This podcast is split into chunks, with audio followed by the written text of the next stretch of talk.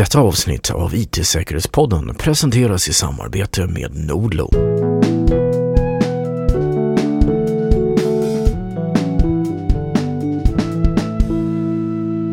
Ja, vi har nu över tio års erfarenhet av att bära med oss mobiltelefoner som blir allt mer och mer användbara till priset av att vi lämnar ifrån oss hela våra liv och dessutom riskerar att bli hackade. Det är dags att prata moral och etik i IT-världen. Anders Sandberg arbetar vid Institutet för framtidsstudier med saker som kognitionsförbättring, framtida tekniker för storskaliga hjärnsimuleringar, globala katastrofrisker och säkerhet i artificiell intelligens. Ja, det är i alla fall vad hans hemsida säger. Låt oss möta mannen bakom detta intressanta CV. Hur är läget i Oxford, Anders? Jo då, det är strålande här. Vi har liksom senhöst där vinden viner i hörnen och eh, höstlöven far runt. Och man sätter sig naturligtvis i bibliotek och myser med en god bok eller mer ofta nu naturligtvis en tablet där man har laddat ner de senaste vetenskapliga artiklarna. Förmodligen inte från en legal sajt för det är så mycket lättare för, även för oss akademiker som borde ha access eh, via våra bibliotek till de vetenskapliga tidskrifterna att använda Skrivhub. Ja, Vilket ja. eh, lett till en del kul diskussioner med eleverna. eh, Just okej, okay, vi kan inte officiellt rekommendera det här men det är praktiskt. Men ni vet att det finns. Vad som händer händer. Eller vad då? Exakt.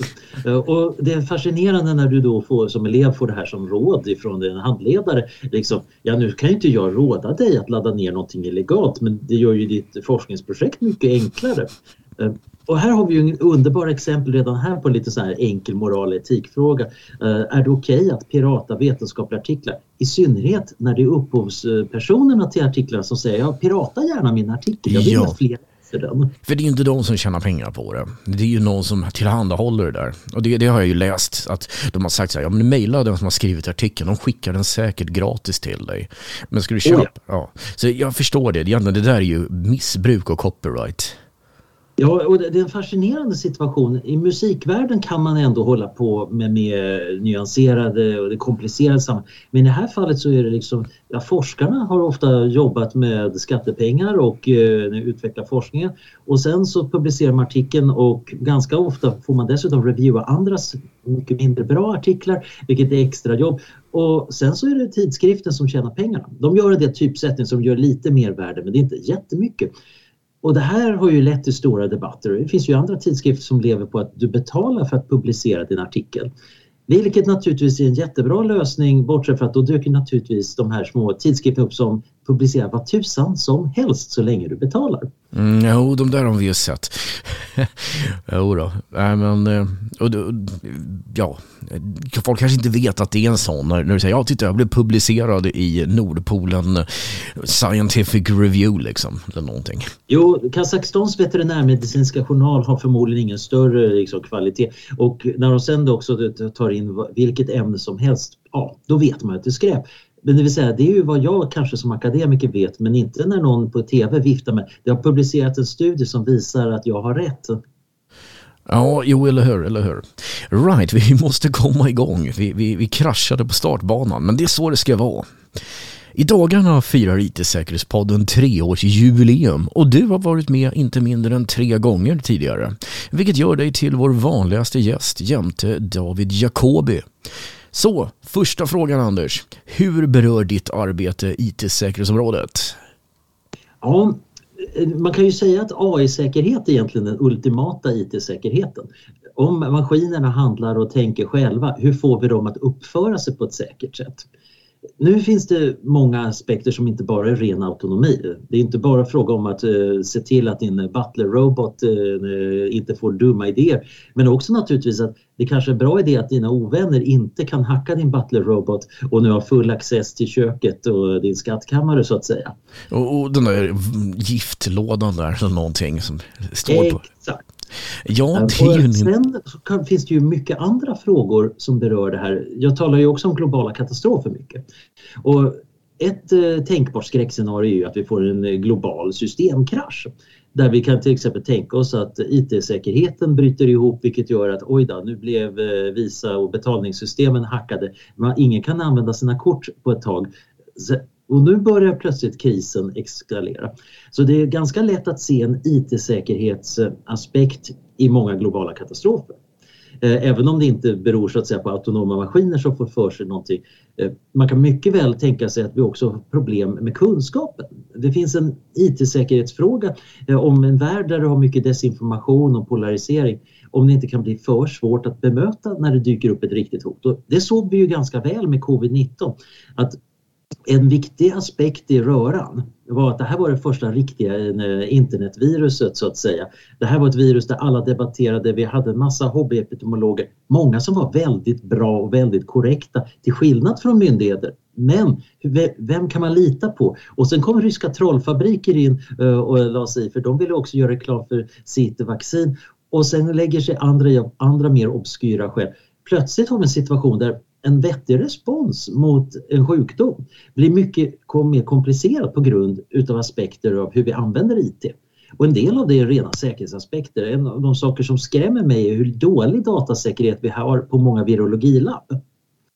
Det är liksom, oh, även om jag inte personligen ger liksom så stor vikt i att eh, covid-19 läckte från ett labb så är det fortfarande, ja, vi vill nog att biolabben ska vara säkra både på IT-sidan och den fysiska sidan.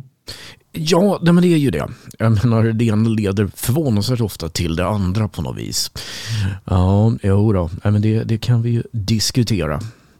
Men det stora problemet är väl kanske vad vi har för syn på hur vi bör agera.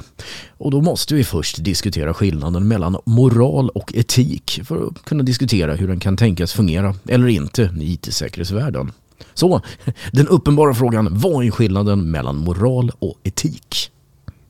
Jag brukar säga att moral är det de regler du följer. Du, du har något system, en policy för hur du hanterar. Ser du en tiggare på gatan så kanske du eh, väljer att ge honom pengar eller inte baserat på någon, någonting som du har tänkt på.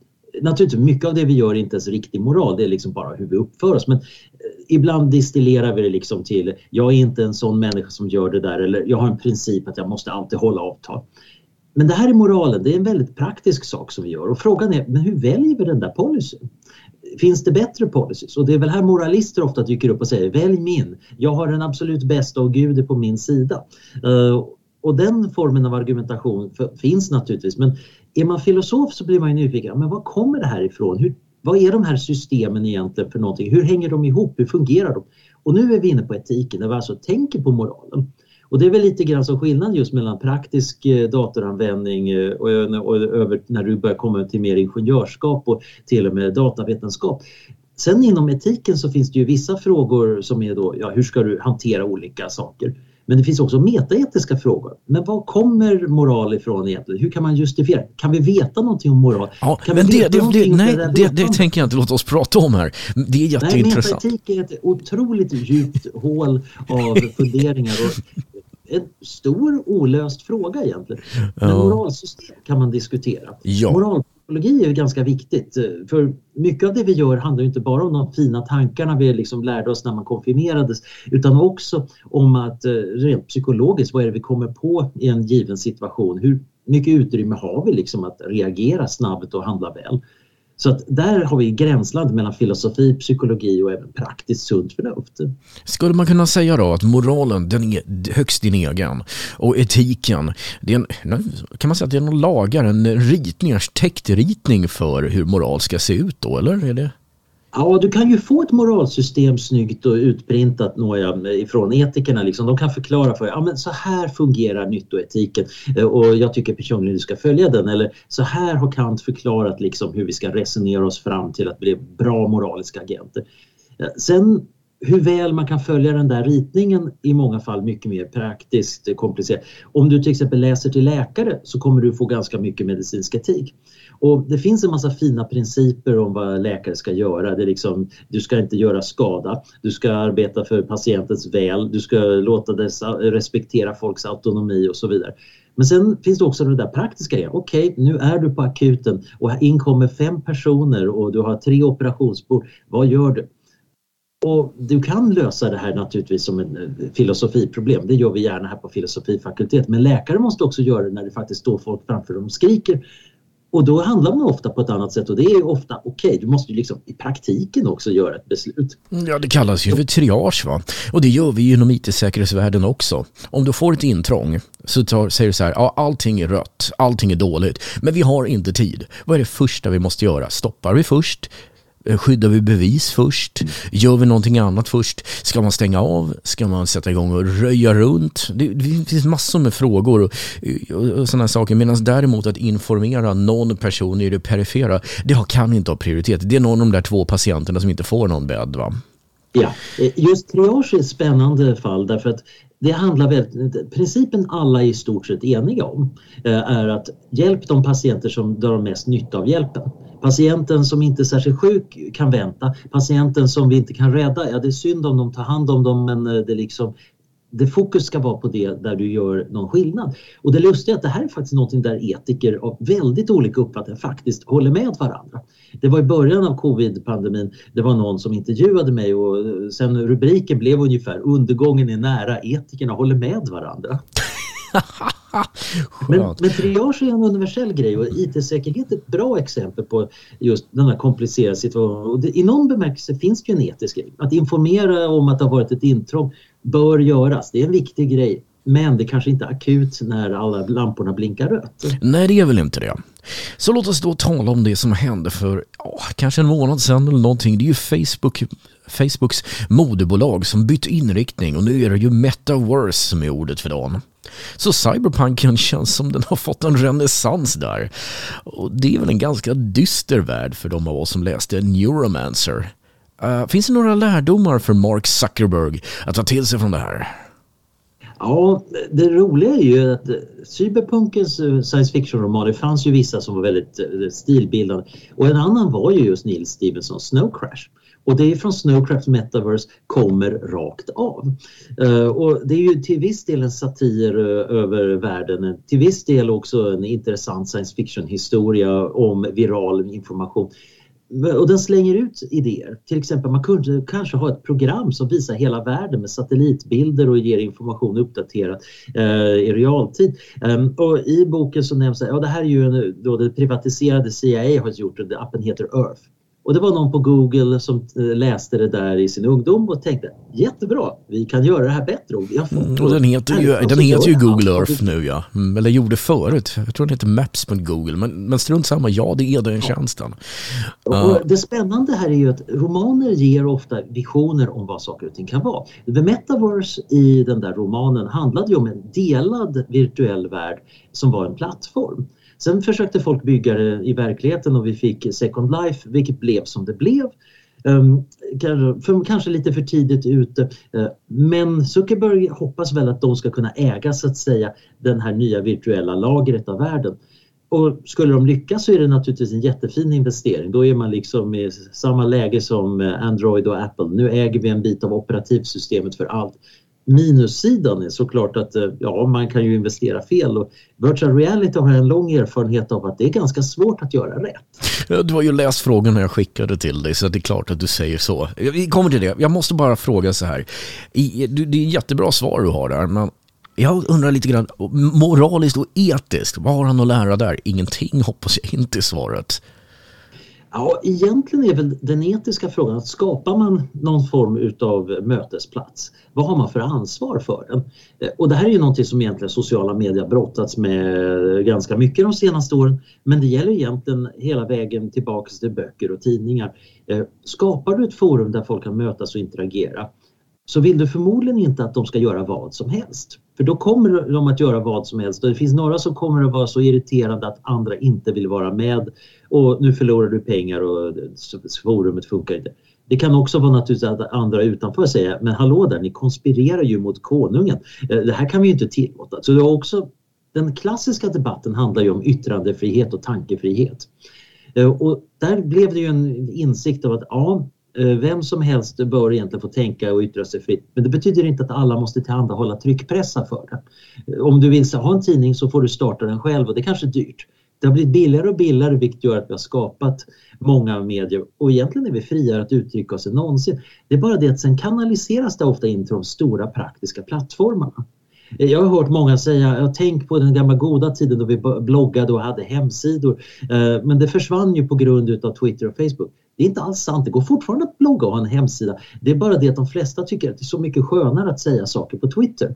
Ja, det, tekniken är ju inte borta. Det är bara det att, ja, förut så var det ju fragmenterat. Nu, nu samlas alla kring ett par, par, stora medier och det finns ju problem med det, det säger jag inget om. Men ja, man är instängd i de där stora, de där stora höghusen och de här små eh, små mom and pop shops som man ofta jämför de här privatbloggarna med. De finns inte så mycket längre. Det, det är bara, jag skulle säga att de finns. Eh, det är bara det att du inte märker dem och där kommer vi till det spännande. För vad de här stora medierna kan göra är att rikta uppmärksamheten på ett väldigt eh, kraftfullt sätt. Eh, om till exempel Twitter eller Facebook bestämmer att ja, men länkar till bloggar, det är utanför vårt ekosystem, vi nerprioriterar dem. Visst kan du posta dem men färre kommer att se det. Eh, då får du ju mindre trafik där och du kan låsa in eh, folk så att säga. System. Men du gör på ett väldigt mjukt sätt. Och nu kommer vi in på riktiga såna här etik och moralfrågor. Bör Facebook göra det här? Och det, man kan ju säga en approach är Facebooks enda jobb är att göra sina aktieägare så rika som möjligt. Och jag har inte helt emot den tolkningen men det innebär att man också inte ska förvänta sig särskilt mycket av sådana här media och också i så fall ska vi kanske, om de blir väldigt centrala, säga ja men då behöver vi reglera utifrån för att få andra nyttiga sociala funktioner. Sen är det mer komplicerat för många av oss skulle jag nog säga är stakeholders i Facebook, Twitter och de andra sociala medierna. Det är vi som bidrar med värde, vi som använder dem. Och i någon bemärkelse borde ju så att säga de som är inblandade ha rätt att säga saker om hur det här styrs. Ja, och det verkar ju inte riktigt. Värdet ligger i det nätverket som finns i mediumet.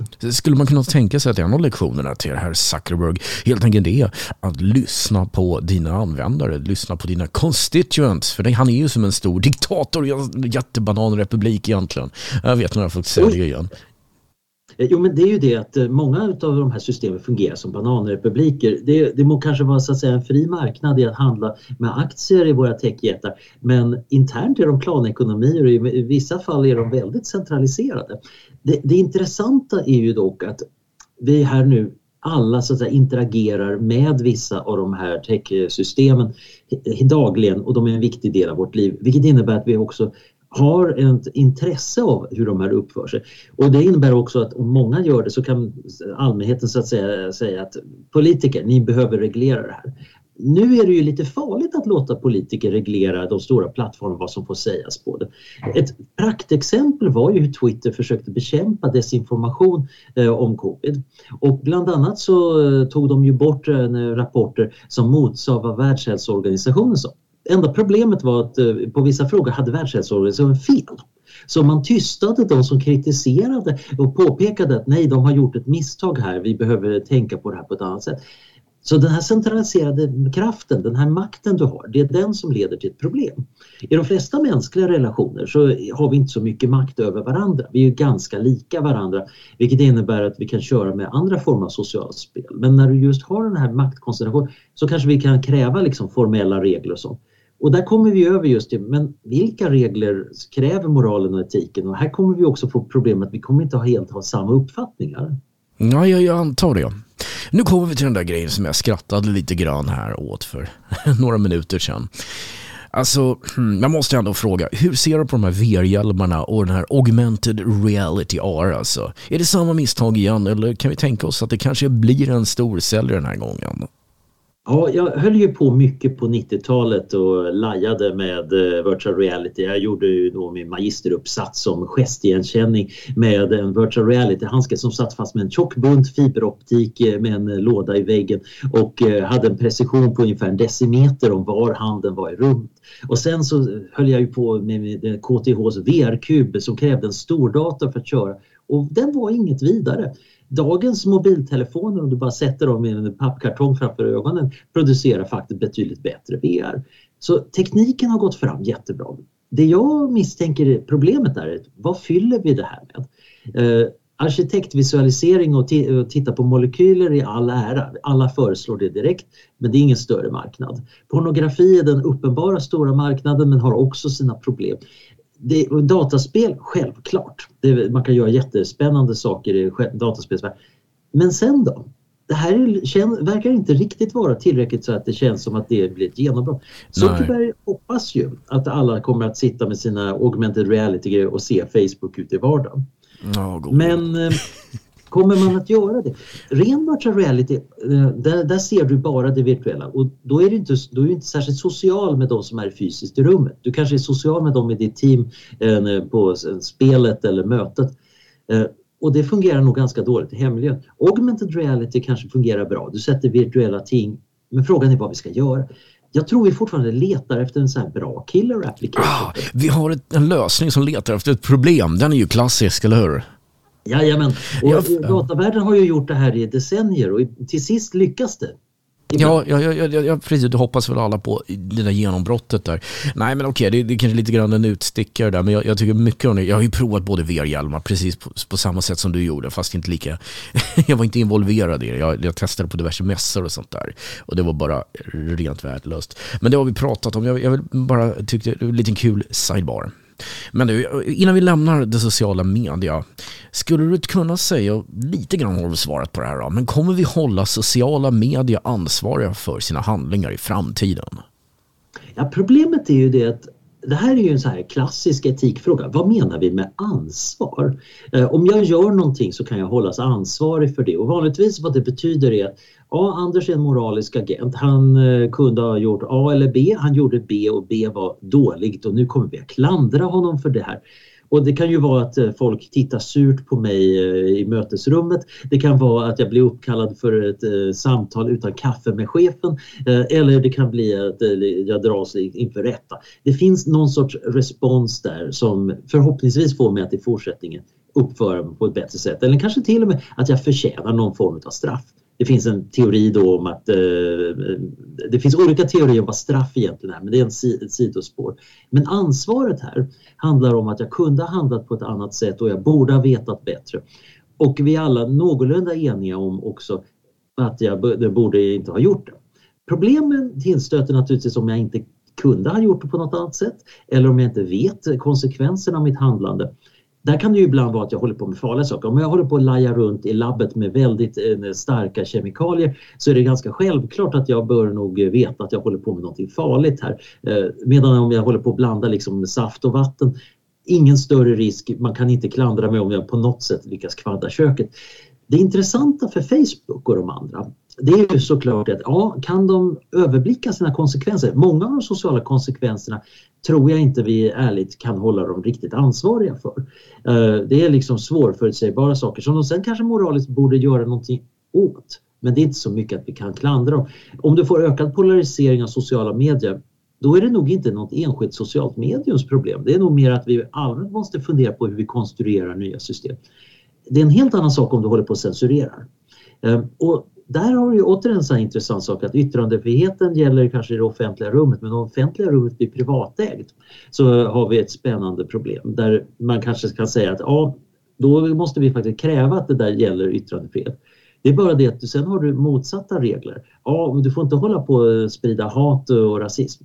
Ja, men yttrandefriheten då? Den här avvägningen är ju liksom en ständig debatt och det är ju liksom inget som någonsin kommer att avgöras och inte kanske ska avgöras. Det må, vi hela tiden måste hålla på att diskutera. Vad, vad får man säga? Var, går gränsen? Var går gränsen mellan eh, liksom skämt och hatbrott? Hur privat kan vi hålla saker? Och framförallt, är... vem är det som avgör? Eller hur? Mm. Ja, eh, och det, det är där etikerna brukar säga, le lite grann för ofta är det ju det här, den så här av, diskussionsavslutande frågan i någon diskussion. Men vem kan avgöra vad? Och så blir alla bara lite pinsamt tysta. Det är då etikprofessor säger, jag kan det för jag har doktorerat på det här. och sen jagar de ut honom med tomater och ruttna ägg. Självklart. Eh, för vi ogillar ju auktoriteter nu för tiden. Eh, det här är ju en trend som har portgått inom decennier och det gör att det är lite svårt att stövla in och säga ja, ni ska göra som jag tycker för jag är chefen eller ni ska göra som jag tycker för jag är professor i tillämpad etik. Eh, Professorn måste faktiskt gott nog förklara varför det här är det rätta och fina att göra. Men i praktiken har vi ganska många sådana här saker Eh, det är liksom de flesta communities har sina etiska regler även om man kanske aldrig explicit hittade på reglerna. Eh, det finns en uppfattning om vad som är okej okay och inte okej okay att säga på olika sammanhang. Och i ett relativt litet och homogent samhälle så är, finns det en konsensus som man till och med kan följa. Problemet vi har idag är att vi lever i en globaliserad värld som är väldigt heterogen. Så den, den, diskussion jag hade på partyt igår med mina vänner, den kanske inte skulle jag vilja se tryckt liksom på en första sida på en tidning där andra ser det. Men å andra sidan en del åsikter som tidningarna förevisar driver en del kollegor här i Oxford till vansinne för det är inte bara fel, det är liksom avgrundsomoraliskt hävdar de. Men då kommer vi till den praktiska frågan, men hur gör vi det i praktiken? Och ofta är det ju det att vi hittar kompromisser. Och många har svårt att tänka sig att man kan kompromissa om moral. Det ska ju handla om det verkligt viktiga i världen. Eh, man får inte kompromissa om det. Men svaret är att om du inte gör det så blir du en fundamentalist och får sitta ja. i ett hörn. Eh, medan eh, det mesta av samhället handlar om en massa kompromisser, i många fall pinsamma kompromisser där vi alla känner att ah, det här var inte riktigt vad vi ville men i varje fall så de andra har också getts med sig. Så i praktiken vad du gör är att du kommer att ha någon sorts kompromiss om till exempel hur mycket inflytande kan användarna få ha på ett socialt medium. Och olika sociala medier kan till och med testa på olika sätt. Man kanske ska ha representanter. Eh, Wikipedia har redaktörer som har ganska mycket makt gentemot Wikipedia medan eh, då Facebook är mycket mer monolitiskt. Men du har också det här med att ja, går det för långt då börjar man se, kommer folk att lämna mediumet eller kommer de att eh, käfta emot högljutt och göra intressanta sabotage eller att de bara hukar sig och finner sig i grejer. Ja, det kan man ju fundera på. Men du, vi måste tillbaka lite grann till det rent core här av IT-säkerhetsområdet. Eh, prepping är ju någonting som är populärt. Och med tv-serien Hackad som går just nu här på SVT i Sverige så kanske vi får cyberprepping som ett nytt intresse hos folk. Alltså hur man mentalt och materiellt förbereder sig för hackaren med säkra lösenord, bättre rutiner och framförallt genom att vara vaksam. Fungerar idag, men hur ska vi cyberpreppa så att säga om tio år? Ja, det är en bra fråga. En sak som man kan tänka på är att ja, datakraften ökar. Eh, vi får eh, gamla kryptosystem knäcks. Eh, vi, vi kan räkna med att det kommer nya cyberhot och framförallt tror jag vi kan räkna med väldigt mycket mer övervakning. Vilket betyder att just nu lever vi ändå i en del utav historien som är svårövervakad. Det kan betyda att om vi ska göra så här one-time pads och eh, egentligen kryptonycklar kanske som skapas nu eh, är på sätt och vis lite säkrare än i framtiden när en liten eh, liksom, en myggbot kan sitta någonstans i rummet och titta på vad du skriver på tangentbordet. Så en form av långtidscyberprepping är helt enkelt att anta att framtiden kommer att vara full av väldigt mycket mer övervakning. I så fall skapa säkerhetsresurser som är användbara då. Där är problemet naturligtvis att de vanliga kryptosystemen kanske blir knäckbara. Men one-time pads och en del andra mer åväkiga system kan fungera. Det är väldigt värt att bara fundera igenom egentligen hur man skulle hantera en sån värld. Den stora grejen i mina kretsar är ju annars kvantkryptot. Där är kvantdatorer, de, en av deras intressanta möjligheter är att de kan knäcka många av de kryptosystem vi använder idag. Det skulle ju då, om de bara dök upp i stor skala just nu så skulle det bli en riktig röra. Det tar nog ett ganska bra tag. De håller på att bli snabbt bättre men de är fortfarande inte riktigt där. Men jag tror att det är rimligt att tro, att om 10 och 20 år så har vi åtminstone en del större organisationer, kvantdatorer. Vi kan nog räkna ut vilka de stora organisationerna kommer att vara. Det här har intressanta effekter om du har hemligheter just nu som kan knäckas av en framtida kvantdator och om du tror att om 20 år kommer jag fortfarande inte vilja att den här hemligheten finns ut. Du vill nog byta då till ett kvantsäkert kryptosystem. Det är sån, finns sådana under utveckling, till exempel lattice-based encryption. De är ännu inte riktigt standardiserade så vi har ett spännande race här mellan att utveckla, standardisera och sprida de här kryptosystemen. Och de framtida kvantdatorerna som förmodligen kommer en del säkerhetstjänster och andra bara försöka ladda ner kopior av krypterat material som de vet att om fem år kan vi eh, kräka det. Inte just nu, ja. men i framtiden. Jag vet, vi hade faktiskt den här diskussionen för ett år sedan. Vi har haft uppe det här med AI-säkerhet ett antal gånger och en sak de kommenterar var att ja, men du kör allting via HTTPS nu. Det är säkert med bankärenden och grejer och det är det väl till viss del kan jag säga. Men den här trafiken inspelad idag går kanske, som du säger då, att läsa om tio år. Och det är liksom, då tänker man så här, ja, men, för, för vi tycker så här, vi krypterar inte så mycket. Gör vi det? Jag har inga krypterade filer till exempel, kanske någon säger. Ja, men det är dina bankärenden, det är allting du gör, allt du tittar på. Din kommunikation mot, ja, okej, okay, Facebook. Det, det är så det är, så det, det ligger något i vad du säger. Ja, eh, och det spännande är just det där tidsperspektivet, att försöka fundera på vilka aspekter av framtiden spelar roll i nuet. Eh, och just det här med att tänka på hur länge ens hemligheter måste förbli hemliga. Eh, hur mycket och extra åbäke man ska göra för att hålla saker säkra. Eh, om man håller liksom på med kryptovalutor, okej, okay, de kan plötsligt bli värda otroligt mycket. Vill du verkligen ha dem enbart lagrade på din mobiltelefon som du kan tappa eller bli stulen eller på någon liten hårddisk som du kan tappa bort någonstans? Men alltså det tycker jag är hejdlöst roligt. Okej, okay, jag ska inte skratta åt andras missöden, men alltså folk som har köpt eller har lagt in massa pengar i de här krypto, ja, vad säger plånböckerna, den wallet då. Ja, och sen bara, åh, vad är lösenordet? Jag, har, jag är mångmiljardär om jag bara hittar det förbannade lösenordet. Det, det, är det perfekta kassaskåpet på sätt och vis. Eh, det här kan du inte bryta upp. Annat än kanske då med framtida kryptodator. Ja, ja. Eh, men det är värt att notera att jag, jag diskuterade faktiskt det, just det här problemet med kvantkrypto med Vitalik Buterin, Ethereums eh, ledare. Och han var ju helt inne på att jo, vi, vi är medvetna om det, vi ska liksom göra en övergång i god tid innan. Ja, jag tycker så här, av det mest märkliga som saknas med de här bitcoin och allt vad de heter, det är så här account recovery. Alla sajter har det, men inte din kryptowallet. Jag vet inte. Nej. Men jag kan också tänka mig att folk tappar lösenordet för de tror, förlåt. Ja, de, tapp, ja, de, de tappade lösenordet därför de trodde det har väl ingen värde. Jag la in 100 spänn, vad fan vad kommer jag få imorgon? 102? Ja, och det visar ju också ett av våra problem som människor. Vi har sunt förnuft. Men sunt förnuft är inte alltid så tillämpbart vare sig på kryptovalutor eller vanlig krypto eller IT-säkerhet. Ehm, så man kan få de här fantastiska överraskningarna på det här sättet. Ehm, men det är just det där med att tänka igenom hur världen kan utvecklas och också fundera på men vad är det jag har som jag vill försvara och skydda.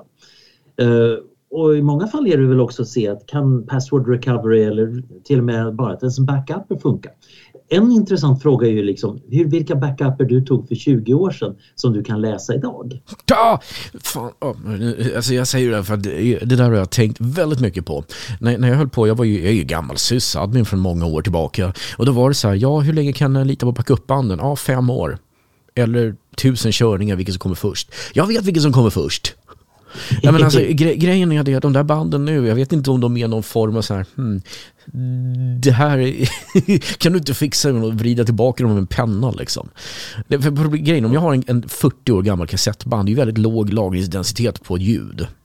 Däremot har du lagrat data på något DLT-band och grejer och så ska du försöka få tillbaka det där. Minsta lilla repa i dem, ja där rök 20 meg data. Det var synd att det var de du behövde. Nej, det där är ett jätteproblem.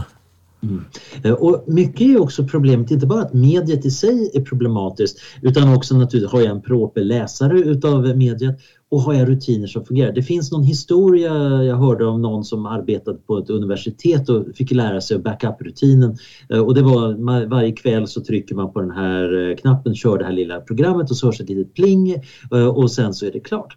Och han tog och tittade bara och insåg att plinget var ett meddelande att det hade gått snett och att inget hade skrivits i backupen och det hade pågått i decennier. Det är underbart. Ja, har ni gjort några restore-tester? Ursäkta, vad då? Okej. Okay. Uh, eh, jag, jag backar långsamt in i, i, i liksom buskagen där som Homer Simpson du vet. Oh, ja. ja. Uh, och, och, det här är ju någonting som jag själv efter att ha hört den historien tänkte ja, jag borde nog ta och göra sådana här recovery-tester. Sen kom jag mig inte för att göra det förrän en annan kollega berättade att hon hade haft inbrott och de stal hennes dator och 20 år av hennes forskning som hon hade backupat på hårddiskarna som låg bredvid datorn. Och det var liksom, ja just det, jag ska nog tänka lite mer seriöst på att göra mm. de testerna. Alltså, jag, jag ler åt det, jag skrattar åt det. det. Det är för att alla misstag jag har gjort själv. Men man fattade inte det där med backup på 90-talet. I alla fall kanske en professionella gjorde det, men jag, jag tvivlar på det också. Uh, jag menar... Ja. Ja. Eh, och, och, det här är ju en spännande sak också om man ska tänka lite etiskt. Egentligen så är ju mycket av informationen vi för till framtiden, det är också för framtida människor och framtida generationer. Eh, historiker idag lär sig väldigt mycket av att läsa liksom sumeriska tvättnotor eh, som kanske inte sumererna brydde sig så mycket om men för oss ger en fantastiskt viktig inblick i deras liv. Vi är väldigt lyckliga över när författare, eh, när det, man kan arkivera liksom pappren i deras kontor och sen kanske doktorander under generation kan sortera sortera röran och upptäcka spännande saker. Jag har själv varit inblandad lite grann i att försöka utreda, visste den här författaren om den där forskarens resultat? Nej, han fick det från en annan person och liksom göra en artikel om och våra backuper, våra sociala medieinteraktioner, på sätt och vis tror jag ändå vi har ett moraliskt ansvar att försöka spara det här och skicka till framtiden ja, så de kan håller använda. 100 procent med, verkligen. Det, jag tycker det är så få gånger man hör folk säga det, för jag har också varit där att ja, men vi måste göra det. Vi, vi har ett moraliskt imperativ faktiskt att bevara. För menar, annars är det så här, 1950 ungefär när man började använda magnetband, till 2050 ungefär kanske man slutar med att använda magnetiska media. Så det är bara, ja vad händer då? Inte vet jag. Det finns ingenting kvar. Det finns ingenting kvar alls. Det, det är beklagligt, men alltså, det, det, är precis det som är problemet här. Och jag har hållit på med såna grejer som cryoflux för att sitta och föra över filer från gamla Commodore 64 disketter och grejer. Alltså det är jättesvårt att föra över filer från ett media som är 30 år gammalt, även om det funkar. För det är så mycket saker bara, hmm, den här drivrutinen, det är Windows 3.11. Vad 17 hittar jag Windows 3.11. Så där håller du på hela tiden. Va? Ja. Men... Och egentligen är väl det att nästa steg är att tänka på ett bra backup-system. Det är inte bara att du kan lagra en backup och få tillbaks från backupen utan backup-systemet kan uppdateras när nya media och nya behov dyker upp. Och det är ju oändligt mycket svårare för vi vet inte vad de där nya medierna och behoven är. Nej, men okej, ska vi försöka ta oss tillbaka till vad som kanske skulle ha varit en huvudspår i den här diskussionen. För du sa 10 år, nu säger jag 30 år. Cyberprepping, 30 år. Om 30 år, vad måste vi göra för att vara säkra som privatpersoner då? Ja. Ja, men det, det är egentligen samma grej där. Tänk på vad är det för hemligheter du vill fortfarande är hemliga om 30 år och vilka elektroniska tillhörigheter som du vill vara säker på att ha om 30 år. Och sen de där elektroniska tillhörigheterna, det kan vara semesterfoton eller personbevis eller dokumentation eh, av, som spelar roll. Du vill gärna ha backuper på olika ställen offsite, kanske till och med gjorda på olika sätt. Eh, över 30-årsperioder så börjar det nästan eh, låta rimligt också att tänka på man kanske vill skriva ut det på papper. En gång i tiden så skulle det vara rena skämtet men OCR börjar bli ganska bra idag och det är ett stabilt medium. Det är ett fantastiskt media. Alltså, eller medium, eller medium, det är som som läser typ tarotkort och grejer. Media, ja, whatever. V vad jag menar... Jag, medium är ett, eh, ett medium, vare sig läser tarotkort eller överför information. Ja, okay, Egentligen är ju det som är media. Media, det är när du har olika sorter. Till exempel både spågumma med telöv och en med tarotkort. Ja, kan jag få en SD-kort också? Kanske något C för om? Spå SD-kort är en eh, spe mycket speciell eh, förmåga. Det är sällan du hittar liksom eh, visa fanter som kan göra det. Ja, men, ja, men om 20 år kanske de kan... Det är de som vet liksom vad du ska investera i för kryptovalutor. Ja, eller hur. Ja. Okej, jag har en sista fråga till dig. Sen har vi igenom detta lite eklektiska program, men åtminstone jag har haft hejdlöst roligt hittills. Uh, ja, idag har ju alla en kamera i sin mobil, så vi kan alla vara medborgarjournalister. Men vi kan lika gärna stå i vägen och filma på olycksplatser. Hur ser du på den här nya tingens ordning? Finns det hopp om mer avslöjande rapporter från vanliga människor eller ska vi oroa oss över snokande grannar och arga personer som lägger upp allting på nätet? Ja, det, det är ja. ju det vanliga problemet. Självklart har vi eh, båda delarna. Eh, jag är helt fascinerad av hur bra kameror i moderna mobiltelefoner är. Eh, jag satt och använde min som kikare igår och insåg att ja, det här är ju bättre än den eh, fysiska kikare jag hade hemma. Eh, och jag kan dokumentera saker och mycket blir dokumenterat genom att vi alla har det. Vilket gör att nu för tiden när katastrofer händer så får du bilder, till exempel explosionen i Beirut, från många olika vinklar. Man kan rekonstruera saker. Problemet är att drömmen om medborgarjournalisten var ju lite grann att ja, vi kan alla liksom ladda upp bilder av polisbrutaliteten och sen så blir någonting vettigt gjort det hjälper inte helt om du bara laddar upp det på ett slumpmässigt ställe. Det är ofta det där koordinationselementet som behövs. Antingen att det finns en nyhetssida som plockar in det eller att du har ett socialt medium där man diskuterar och sätter det i sammanhang på rätt sätt. För ett öppet samhälle som David Brin i sin briljanta bok eh, The Transparent Society skriven på 90-talet och eh, ungefär 20-30 år för sin tid påpekar är att du behöver dels detektera vad som verkar vara fel i samhället. Du måste liksom ha folk som gör det och sen offentliggör de det. Han kallar dem för antikroppar. Och sen måste resten av oss hålla de ansvariga ansvar om det där. Om de eh, bara nickar och säger ja, vi gjorde den där polisbrutaliteten, hö, hö, hö. och sen gör de ingenting och vi finner oss i det då spelar medborgarjournalistiken ingen roll. Nej, där och, har du en god poäng. Där, därför att bild, man säger en bild säger mer än tusen ord, men det kommer en miljon ord som kommenterar den och de är väldigt färgade av vad du har för syn på just polisens roll, deras roll, provocerar de, vad polisen gick liksom över sina befogenheter. Hela den biten blir en, en giftig diskussion där man kanske till och med har den här höger-vänster, den här höger-vänster-dikotomin där man säger bara ja men jag kan inte ha de här åsikterna för jag står på den här sidan. Det är jättetråkigt. Men verkligen. framförallt är det ju det att en miljon ord på Flashback väger ganska lätt i att faktiskt få personer fällda för vad de borde bli fällda för. Nej, Så ingenting. det är här vi behöver bygga de andra institutionerna. Det är ju här som det är lite synd att undersökande journalistik med de traditionella medierna har ju lite grann fallit vid, bort därför att visserligen är det mer möjligt än någonsin att göra fantastisk undersökande journalistik men det är också dyrt och jobbigt och celebriteter säljer mer. Så att det är möjligt att vi behöver uppfinna nya sätt att ge genomföra det här. Folk har experimenterat både med saker som eh, Wikileaks och liknande läckorganisation som gör det lättare att om jag upptäcker någonting jag tror är jätteallvarligt att jag kan lämna över ett stort dataset till förhoppningsvis ansvarstagande journalister som kan gräva i det. Ja. Vi har ju Panama-pappren till exempel.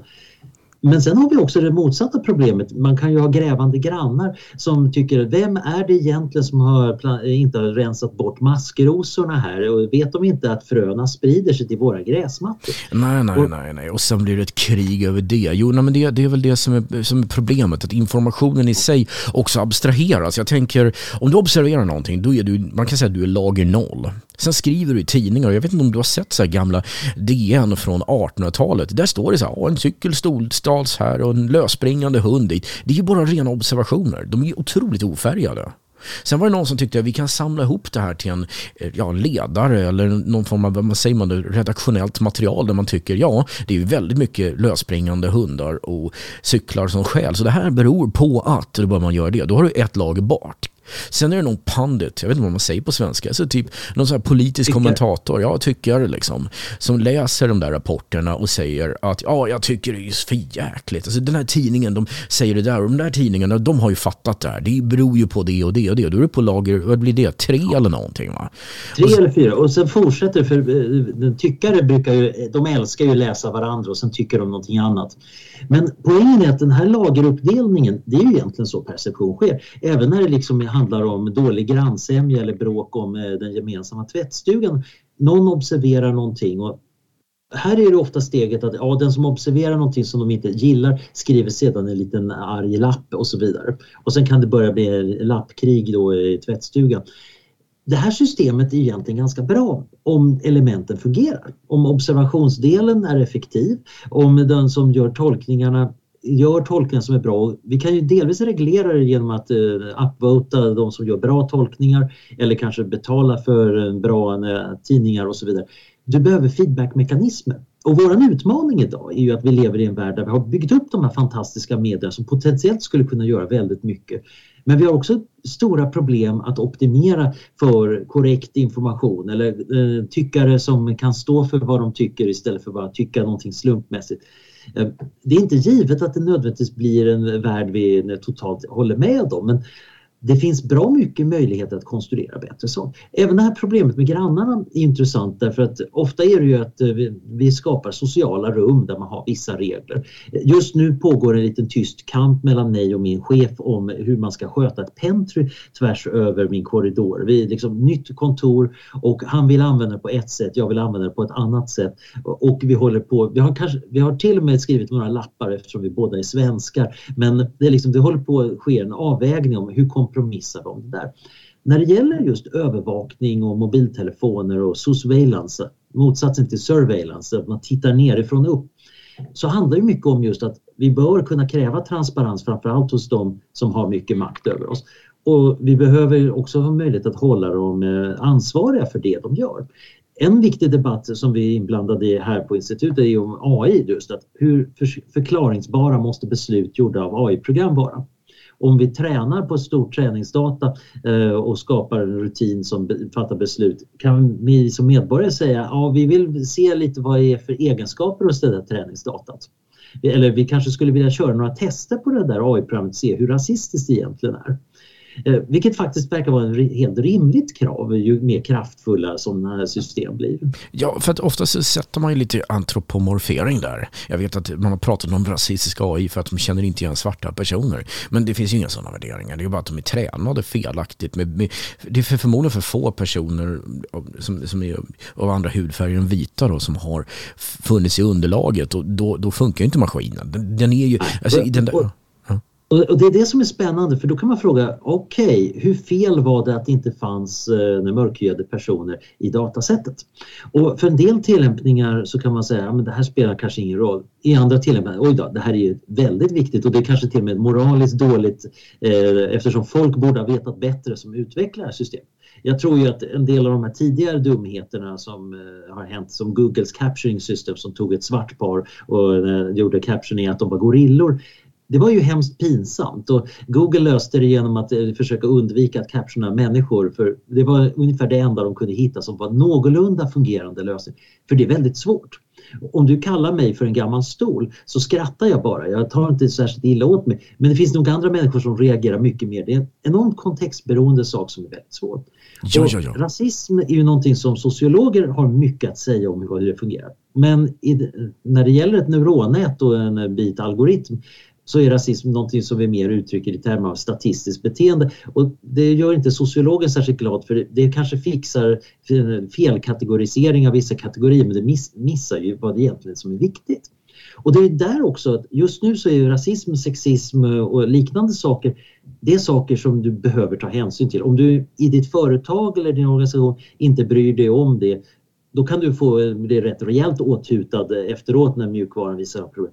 Det finns många andra former av fördomar och biaser som vi nog knappt ens märker. För vi är som fisken i vattnet. Vi är så totalt vana vid det. Det är ju väl värt att tänka liksom på, eh, om vi går tillbaks 100-150 år, med våra mått eh, var alla rasister, eh, alla var sexister och homofoba på ett sätt som de inte märkte. Och många skulle nog ha sagt att om du påtalar det, ja, det där är ju inget viktigt problem. Medan vi tycker nu idag att det är ett viktigt problem. Vi har ja. till och med skäl att tycka det. Men det kan mycket väl finnas liknande saker som vi inte har märkt än, som vi kan upptäcka. Nej, det där är ju en väldigt bra poäng. För helt plötsligt händer det, det är magiskt. För fem år sedan så är vi 100% woke och aldrig, vi har perfekta moraliska värderingar, det har aldrig hänt förut. Det är så här, ja, hold my beer, säger nästa, nästa generation och den efter och den efter och den efter. Vi har så mycket för oss och, och som är rent intolerant. Som, ja, du säger det, vi kan inte se det nu. De kunde inte se det då. Det gör inte rätt, men där är vi. Eh, och dessutom så det största problemet är att om du försöker leva så här väldigt rättfärdigt så har du plötsligt det största hotet är ju dina vänner som också försöker vara väldigt rättfärdiga. Så just nu så det voka människor fruktar mest är ju inte otäckt högerfolk utan det är ju andra som tycker att de är otillräckligt eh, doktrinära. Alltså det, det är ju rent puritanism det var det ja. att komma ihåg 1968 då, då vänstern gjorde samma sak. Eh, och det blev ju snabbt att det blev maoisterna mot eh, eh, leninisterna som ockuperade kårhuset. Men grundprincipen som man ska tänka på, det här går ju tillbaka till vår tidigare diskussion också om framtiden, är ju att vi vill nog fundera på saker som är hållbara långsiktigt. Så man kanske vill hantera data från det förflutna som vi vill att framtiden hanterar data om oss. Och det handlar också om ett visst mått av tolerans. Jag med dagens mått var folk för 150 år sedan jätterasistiska. Det betyder inte att vi bara ska avfärda allt vad de sa och gjorde. Eh, vi måste konstatera, ja, de, de levde i den kontexten och vi eh, har vuxit eh, från den. Det var andra tider då brukar man ju säga va? ja, det ursäktar ja. inte riktigt allt men det ursäktar ganska mycket och jag tror vi ska vara villiga liksom att titta på eh, hur det passar in. En av mina, för en liten här sidogrej, en av mina favoritgalna eh, forskare inom neurovetenskap, Dr. Robert Galbraith Heath, gjorde fantastiskt skräckinjagande experiment med elektroder i människohjärnor. Eh, då han stimulerade patienter för att försöka eh, modifiera beteende och bota dem. Och det intressanta där var att han höll på i 50 och 60-talet amerikanska sydstaterna och med dagens mått mätt, oj oj oj, oetiskt så det förslår. Men sen läste jag en fantastisk artikel som gick igenom vad reglerna var på den tiden och då kunde visa att det var oetiskt då också. Det här var faktiskt någonting som han inte borde ha fått göra men han kom undan med det ändå. Det går ibland också att bedöma saker från sin egen tid. Men när vi nu ska tänka då på övervakning och transparens och sånt där är det det att vi behöver jobba rätt hårt på toleransen i en global värld där alla dumma saker vi säger kan dokumenteras, kan tas ut ur sin kontext och kan feltolkas. Vi har liksom ett moraliskt ansvar eh, lite grann för att vara lite välvilliga i tolkningar när vi ser saker. Ja, vi måste. Vi men alltså, ärligt talat Anders, tänk så här, du säger någonting, det tas inte ut sitt sammanhang, det misstolkas inte, det tolkas perfekt och du blir hängd för det. Det är problemet, eller hur? Ja, det beror väl lite grann på. Du har ju fortfarande problemet att det finns folk som absolut hatar din position. Men jag, jag tror att det är ett större problem att folk är livrädda av att ett misstag kan bli snett. Eh, om du är lite försiktig med en väldigt kontroversiell åsikt det kanske är en rationell sak att göra. Jag tycker folk behöver vara modigare att säga kontroversiella saker och därför är det ett annat bra sätt att öka toleransen. Men just den där fasan också för att säga något fel i ett normalt samhälle, det kväver ännu mer. Man, man, talar ju väldigt mycket om just chilling effects. Att det är inte så mycket att övervakningskameror och censur eh, tar och eh, blockerar folk direkt från att säga saker. Det är att de tänker efter innan de säger och säger någonting annat. Och ju mer kameror och mikrofoner och annan utrustning vi har, desto mer kommer våra eh, liv att vara på sätt och vis en offentlig värld. Vi har ännu inte dragit den där gränszonen vad som är privat och offentligt globalt sett. Det är ganska olika olika länder och det här leder till väldigt eh, mycket trassel. För ibland gör man någonting som ja, men jag betraktar det som privat men det blir offentligt. Ja. Så här har vi en spännande utmaning. Vi, har, vi, måste jobba på våra normer. Det är inte så mycket IT-säkerhet eller rent av etik, men det är det att leva med den IT vi har, leva med de moralsystem vi har och sen uppdatera dem för att kontexten ändras ganska snabbt. Ja visst är det det. Och grejen är, sen vi startade den IT-säkerhetspodden så har vi ganska ofta kommit in på samhällsfrågor för det skär faktiskt de linjerna och jag tycker diskussioner om privatliv och jag tycker diskussioner om hur vi ska förhålla oss till media och sådana saker, det är en form av säkerhet för det är vår egen personliga säkerhet. Det, det är liksom, allting i IT-säkerhet är inte buffertöverskrivningar, SQL-injektioner och cross-site scripting. Liksom. Vi pratar om det också men idag känns det som att det varit en ganska bra, ganska bra och ta det här spåret kanske ut i, i periferin då. Så, som jag... Det handlar ju väldigt mycket om att gå och se vad som ligger runt ens eh, fält. Det är ju det jag gillar med att vara en datavetare som ändå arbetar på filosofiska fakulteten. Eh, mitt jobb är väldigt mycket att gå och peta i andra områden och se ja, men hur kan den här kontexten beröra det jag arbetar med. Jag blev insyltad i en artikel om kollektiv intelligens och hantering av globala katastrofer till exempel. Liksom. Hur, hur gör vi bättre sorters problemlösning? Eh, när folk ställer de här retoriska frågorna, men vem avgör vad som är rätt och fel? Då är det också ett bra sätt att faktiskt dra upp det och sen diskutera både vad vi vet om vad som kan avgöra rätt och fel men också vilka vill vi faktiskt sätta på kommittén och, och kan vi sen få kommittén att övertyga alla om att det här är ungefär så vi ska jobba. Jag tycker det var bra det där du sa. Att gå utanför sitt eget område är viktigt. För många av de bästa hacken handlar ju inte om SQL-injektion utan social engineering. Ja, nej men jag, okay, men bara för att kommentera på det där. Du säger, jag tycker du förut sa det att vi kanske måste lära oss att kompromissa om moral. Liksom. Din och min moral är förmodligen ganska kompatibla, men någon som säger att jag gör inte det här för det är emot någonting. Vi kanske tycker, fan då för? Men, men just den här kompromissen, det, det kanske är bättre än ett krig. ja, det, det, är ju så vi egentligen får samhället att fungera.